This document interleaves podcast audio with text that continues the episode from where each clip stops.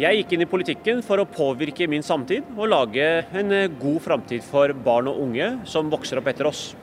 Alder? 41. Stilling? Stortingsrepresentant fra Akershus Venstre. Drømmejobb? Fullstendig urealistisk, men eh, FNs generalsekretær. Den politiske motstanderen du har størst respekt for? Oi, det er flere. Men eh, politisk motstander er jo Bård Vegar Solhjell. Han er fra et annet parti. Eh, men han er en genuin, ordentlig fyr, så jeg, han liker jeg veldig godt. Din verste medietabbe? Oh ja, Det er sikkert veldig mange, men eh, litt flaut var det jo eh, når vi var på 71 grader nord på Lofoten og skulle vi synge ut et bål. Det var jo ikke ment at det skulle komme på TV, men de sendte hele greia. Det var litt flaut. Navn? Abid Q. Raja. Vi skulle snakke om hvordan du kom inn i politikken og du har tatt meg med hit til Juridisk fakultet i Oslo. Hvorfor det? Det er kanskje det bygget jeg har eh, mest respekt for etter Stortinget. Jeg føler ikke noe kjærlighet til Stortinget, men til akkurat til dette bygget. Litt rart å si det, men eh, jeg føler faktisk genuin kjærlighet til juridisk fakultet. Det har vært med på å påvirke meg etter at jeg slutta på videregående, på alle mulige måter. Altså kritisk tenkning, lære lover og regler, eh, hvordan Norge henger sammen. Og juridisk fakultet har jo en lang tradisjon i å lære opp mange studenter. Så jeg har faktisk genuint, litt rart å si det, men genuint ekte kjærlighetsforhold til dette fakultetet. Og jeg er helt sikker på, hadde ikke jeg gått her, så hadde jeg antagelig heller aldri ønsket å bli politiker. Nå sitter du på Stortinget noen hundre meter ned gata her. Trodde du det da du gikk på juridisk fakultet? Overhodet ikke, det var ikke målet. Jeg bestemte meg for å bli advokat, og derfor så starta jeg på jussen. Og det målet nådde jeg, og jeg hadde det veldig gøy som advokat. Mm, ja, jeg tror jeg bidro til å hjelpe mange enkeltindivider. Men mange enkeltindivids skjebner brakte meg inn i samfunnsdebatten på mange måter. Og jeg så da at det var behov for å gjøre en del politiske endringer. Eh, fra å hjelpe enkeltindividet som advokat til å endre samfunnet, så ble skrittet naturlig fra å gå fra advokatyrket til eh, det politiske yrket. For du var jo en aktiv samfunnsdebattant eh, allerede før du ble politiker. Hvis du skal trekke en rød tråd gjennom denne tida, hva som har vært viktig for deg, hva som har gjort deg engasjert, hva er den røde tråden? Jeg startet jo med motstanden mot Carl I. Hagen i 99, hvor det var min første TV-debatt, egentlig. Eh, og jeg var jo bare barnet egentlig på det tidspunktet. Og det, altså kampen mot rasisme, eh, legge til rette for at eh, vi skal få ned fordommene mot eh, innvandrerne, men ikke minst også påvirke innvandrermiljøet, hvor det var mye Det er og det var mye kvinneundertrykking, altså tvangsekteskap. Og nå, når vi ser noe radikalisering, dette er viktige emner for meg, har vært viktige emner for meg da, er viktige emner for meg også nå. Så det handler både om å påvirke det norske samfunnet til å akseptere minoriteter på den måten vi er, men samtidig så handler det om å endre holdninger i innvandrermiljøet. At man skal slutte å denge kona si, f.eks. At man skal slutte å forsøke å tvangsgifte barna sine. Og at man skal Eh, gjøre alt vi kan for at de som vokser opp i Norge, uansett hudfarge og religion, at de respekterer de verdiene det norske samfunnet er tuftet på og bygget på. Og Det er et stort stykke arbeid å gjøre, og hindre at folk blir radikalisert. Det høres kanskje litt rart ut. Motstanden mot Frp fikk han inn i politikken, men etter å ha blitt valgt inn på Stortinget for fire år siden, har partiet hans støtta nettopp Frp i regjering. For å finne ut av hvordan dette henger sammen, setter vi oss ned på en kafé omtrent midt mellom fakultetet, der idealismen ble vekka, og Stortinget, der politiske realiteter som oppslutning og regjeringssamarbeid preger hverdagen. Nå har dere i fire år støtta en regjering med Frp. Hvordan syns du sjøl at disse fire åra har gått? Jeg syns de fire årene for Venstre sin del, når det gjelder politisk gjennomslag, har jo egentlig gått ganske bra. Vi har jo fått enorme gjennomslag. Så har jo eh, mye av disse gjennomslagene drukna i en del støy og bråk. Eh, og da har vi ikke lykkes å få frem alt det vi har fått til. Eh, jeg har jo f.eks. sittet i transportkomiteen og samarbeida med Solvik-Olsen. Jeg kan ikke huske sist Venstre fikk så mye gjennomslag på transportsektoren. Mens vi har eh, hatt en hel jernbanereform, fått ned månedskortprisene på eh, NSB, fjerna vedlikeholdsetterslepet på jernbane, så løfta hele den sektoren enormt. Og gjennom nå Nasjonal transportplan er jo en enorm satsing. Aldri før har Norge satsa så mye på jernbane, kollektiv, sykkel og gange. Så det er jo eh, Jeg gleder meg over dette. Det Samarbeidet med Frp-eren Solvik-Olsen har gått eh, helt fantastisk. Vi har vært ute og Han har prøvd å skåle, men det har blitt med en sånn kebab sammen. da. Det var veldig, veldig moro. For fire år siden så sa du sitat mange av de tinga Frp har sagt, er i beste fall bare mobbing. Andre har vært det jeg vil kalle ren og skjær rasisme. Det var kanskje ikke Ketil Solvik-Olsen du tenkte på når du sa det, men stemmer det i dag også? Ja, For enkelte av disse vil jeg jo si eh, at det kan stemme fremdeles. Jeg tror eh, en majoritet av Norge vil være enig i påstanden at um, enkelte av de utspillene som Sylvi Listhaug har kommet med, har jo ikke akkurat vært brobyggende. Det har jo ikke vært slik at når man hører det, så blir man venner. Det skaper jo splid og splittelse. og det, Jeg tror ikke det tjener oss som nasjon i sum at vi skaper den type mistenksomhet og misnøye mellom befolkningsgrupper. Jeg tror vi har mer å tjene som nasjon at hvis vi klarer å bygge et tett, godt samfunn hvor brune kan stole på hvite, hvite kan stole på brune, og det ikke trenger å bety noe hvilken gud du tror på. Det som betyr noe, er hvilken lover du følger. Og så lenge du følger de lovene som står i den røde boka, eh, norske lover, så eh, bør det være godt nok for alle. Er det det, er det, det Sylvi Listhaug har sagt som har vært mest utfordrende med å støtte den regjeringa? Er det andre ting som har vært krevende? Det har også vært en del innstramninger på dette saksfeltet, så det har vært sånn eh, gi og ta. Ehm, vi har fått til eh, gode løsninger for asylbarn som eh, vi har vært fornøyde med. Og så har vi jo hatt en del fokus på, på, integrering, som vi også for så vidt er fornøyde med. Bosetting av mindreårige asylsjekkere, som vi er fornøyde med.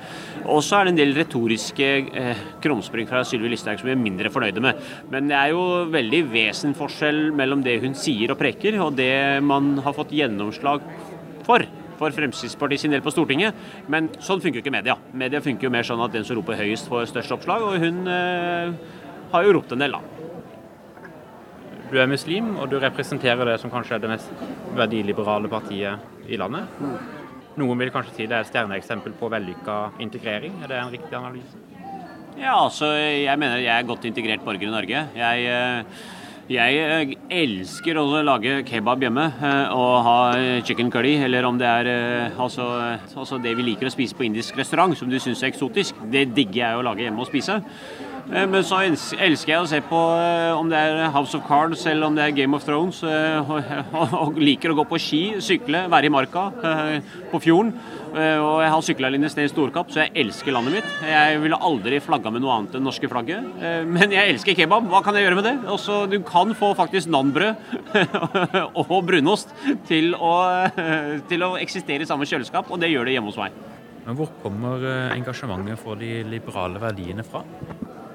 Det starta med juridisk fakultet, selvfølgelig. Eh, og tenkningen fra John Stuart Mill, ytringsfrihet eh, og de juridiske verdiene som ligger forankra i det juridiske fakultet. Jeg var jo ikke oppdratt til å være en liberaler. Jeg kan bare si det så åpent som det er. Jeg var oppdratt til å være pietistisk konservativ muslim, og det var jeg også som ungdom. Veldig, veldig konservativ. Og jeg hadde en del meninger som eh, Ja, jeg, jeg, jeg, kan ikke si at jeg skammer meg over, for jeg var jo barn og jeg visste jo ikke bedre. var ungdom. Men klart, eh, jusstudiet, studiet på Oxford, det var der jeg tok master her. Ektefelle, barn. Å eh, se sitt eget barn, på en måte. Og, og, og se hva slags urettferdighet mange jenter i innvandrermiljøet blir utsatt for. Så får du tvillingdøtre sjøl. Hvis du ikke blir påvirket av det, så er det jo nesten litt synd på deg. Men jeg, heldigvis, jeg er moderat liberal i dag. Eh, og jeg vet at hvor jeg kommer fra, bidro ikke til at jeg skulle bli det.